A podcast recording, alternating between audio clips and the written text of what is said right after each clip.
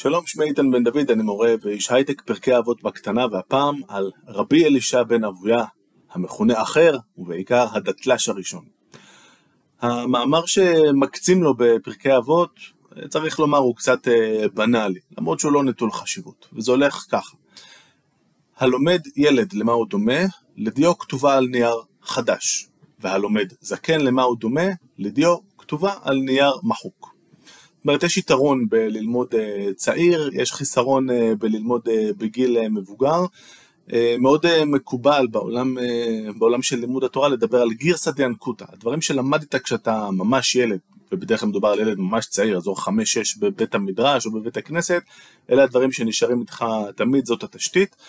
אה, וזה כמובן נכון, אה, כולנו יודעים שקשה מאוד לסדר דברים אחרי שהתשתית אה, מונחת, במאמר מוסגר אני מאוד מעדיף בתור מורה להיות במקום שמניח את היסודות.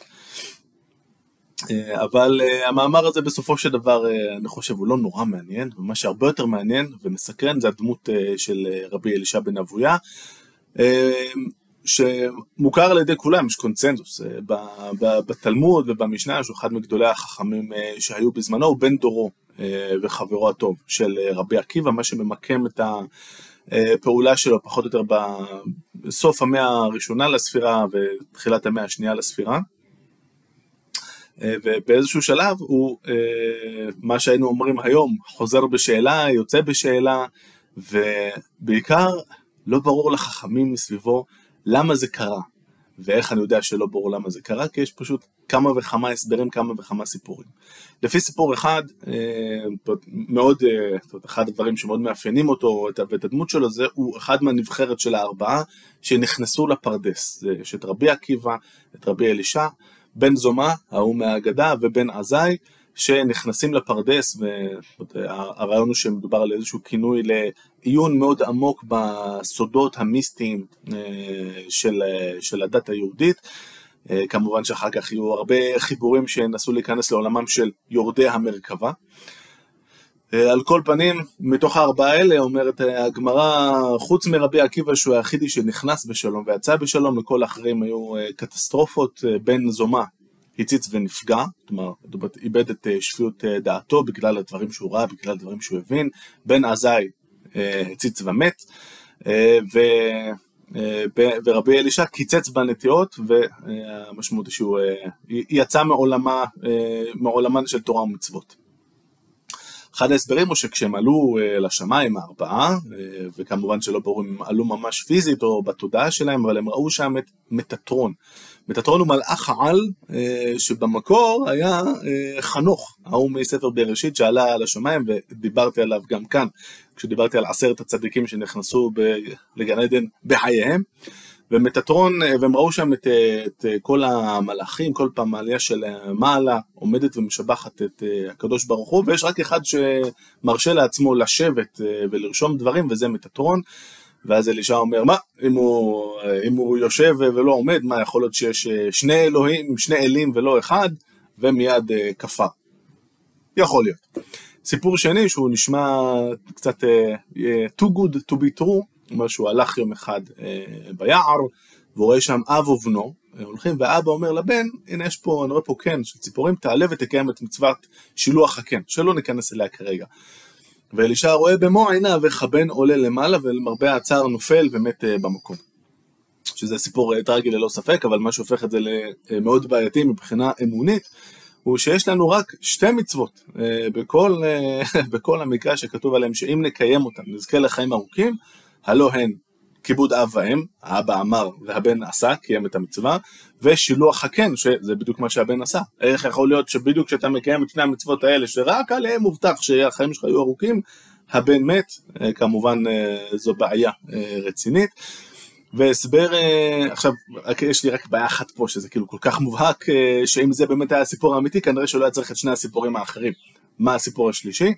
הסיפור השלישי אומר שעם כישלון המרד הגדול, בין, שהיה בין 132 ל-135, המרד בהנהגת רבי עקיבא בתור הסמכות ההלכתית, אמונית, ובר כוכבא במנהיגות הצבאית, ובאופן מפתיע לא ניצחנו את האימפריה הרומית, שוב, ויש את עשרת הרוגי מלכות, עשרת החכמים שמוצאים להורג, ורבי אלישע רואה את, את מה שנשאר מרבי חוצפית המתורגמן, ואומר, פה שהפיק מרגליות ילחך עפר, איך יכול להיות, זאת תורה וזה שכרה, לא, לא הגיוני למה שהולך פה, ויצא וכפר. הכינוי אחר, רבי אלישע אחר, אה, דבק בו לפי הסיפור, אה, דרך זה שהוא הלך בשבת למה שנגדיר אותו כאן כנערה עובדת, וכשהוא אמר לה, היי, מה נשמע, האם אפשר, בבקשה, והיא אומרת לו משהו כמו, אתה בטוח שהגעת פה למקום הנכון, כי הבית מדרש זה דווקא שם.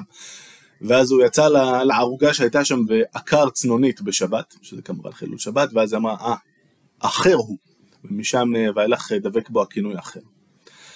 אמ, לרבי אלישע היה תלמיד מובהק, רבי מאיר, שאנחנו מכירים אותו היום בעיקר בשם העממי, רבי מאיר בעל הנס. אמ, ורבי מאיר, אה, הלב שלו כמובן מאוד אה, נשבר מהסיפור הזה, אה, כי הוא היה רבו המובהק. ויש סיפור מדהים שמתאר איך רבי מאיר יושב ודורש לעם בשבת בטבריה. אנחנו יכולים לדמיין את הסצנה, הוא נמצא מחוץ, מחוץ לבית הכנסת, יש, בואו נגיד, כמה עשרות אנשים, אולי אפילו יותר ממאה. ופתאום מי מגיע על הסוס שלו? רבי אלישע בן אבויה. אה, כשכמובן אסור אה, לרכוב בשבת, והיום הייתי יכול להקביל את זה לאיזשהו בעל, איזה הרלי דיווידסון. זה חילול שבת אה, בוטה, זאת אומרת, זה לא... זה, יש פה איזה statement. מה אמור לקרות עכשיו?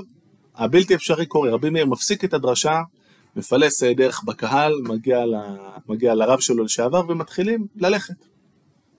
מתחילים ללכת ויוצאים מטבריה, הוא על הסוס, הוא ברגל, רבי מאיר שואל, רבי אלישע עונה כל מיני שאלות, ואז רבי אלישע באיזשהו שלב אומר לו, עצור, אנחנו עומדים לעבור את תחום שבת. זאת אומרת, בשבת מותר ללכת מחוץ ליישוב, מחוץ, אה, אה, נקצר ונגיד שזה מחוץ אה, ליישוב, מותר ללכת אלפיים אמה, בערך קילומטר. רבי אלישע אומר לרבי מאיר, עצור, אתה עומד לעבור את התחום הזה, חזור לאחריך. שזה כמובן כבר מעניין, כי מי ששם לב לכמה הלכנו פה זה היה אמור להיות רבי מאיר ולא רבי אלישע, אה, שלכאורה מה אמור להיות אכפת לי. רבי מאיר עונה לו במשחק מילים אה, שאני מאוד אוהב, אומר, אה, אף אתה, חזור בך. אמרת לי לחזור, בוא תחזור גם אתה, שכמובן מתכוון לחזור לעולם, לעולם המצוות, ורבי אלישע אומר, תשמע, אני כבר לא יכול. כבר שמעתי מאחורי הפרגוד, שמעתי מפמליה של מעלה את ההכרזה, שובו בנים שובבים, שזו הצהרה הרגילה מהמקרא לזה, בואו תחזור בתשובה, חוץ מאחר. הדלת נעולה בשבילי. וגם אנחנו מתחילים אולי להרגיש את, אה, את הקרע הפנימי אה, שיש אצל אלישע, לא סתם הוא מגיע על, ה, על האופנוע שלו ב, אה, להגיע ולפגוש את רבי מאיר, ואם הוא שמע את זה, אז א', זה אומר, אה, אולי, אם הסיפור כמובן אה, נכון, שעוד יש לו את היכולת להאזין למה שקורה שם מאחורי הפרגוד, וב', זה שהוא אולי היה רוצה לחזור. עושים פסט פורוד לסיפור הבא, רבי אלישע גוסס, רבי מאיר מגיע והוא לא, לא מתייאש, כי אין לו את הפריבילגיה להתייאש, הוא אומר לו בוא תחזור בתשובה, והפעם רבי אלישע לא מתנגד ולא מתחכם, הוא אומר מה, עדיין אפשר באמת? ורבי מאיר אומר, תשמע, אם הלב שלך באמת אה, שבור, אם אתה באמת רוצה, אפשר. ואז אה, רבי אלישע עוצם את עיניו, ורבי מאיר אומר, אה, דומה שמתוך תשובה נפטר רבי.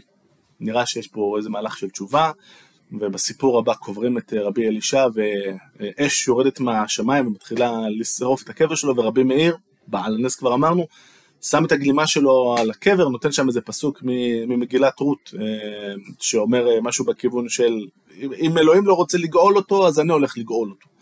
והאש האש קבע, ורבי מאיר אה, הולך אה, בעולם ומסתובב ואומר, מתי אני אצליח, אה, מתי כשאני אמות אני אצליח להוציא את רבי אלישע מהמצב שהוא נמצא בו. באיזה מצב נמצא רבי אלישע אנחנו שואלים? אז החכמים כמובן הבינו שמצד אחד הוא לא יכול להיכנס עכשיו לגן עדן, כי מה לעשות, ומצד שני הוא לא יכול אפילו להיכנס לגיהנום בגלל הזכויות המרובות שכן יש לו.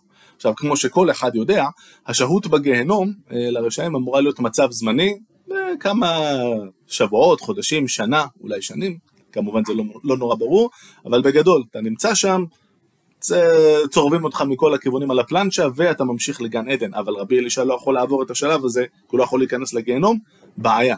רבי מאיר אומר, מתי אמות ואעלה עשן מקברו, ובאמת כשרבי מאיר מת, אומר הסיפור, מתחיל לעלות עשן מהקבר של רבי אלישע, וכולם מרוצים כי סוף סוף רבי אלישע נכנס לגיהנום, שזה נורא מצחיק, אבל סבבה, כי זה בדרך, כי הוא בדרך כבר להגיע לאן שהוא צריך להגיע. ורבי יוחנן, אה, אחד החכמים הגדולים הבאים אה, בתור, אומר מתי אמות ואכבה עשן מקברו, ובאמת כשרבי יוחנן מת, אה, מפסיק העשן לעלות מקברו של רבי אלישע.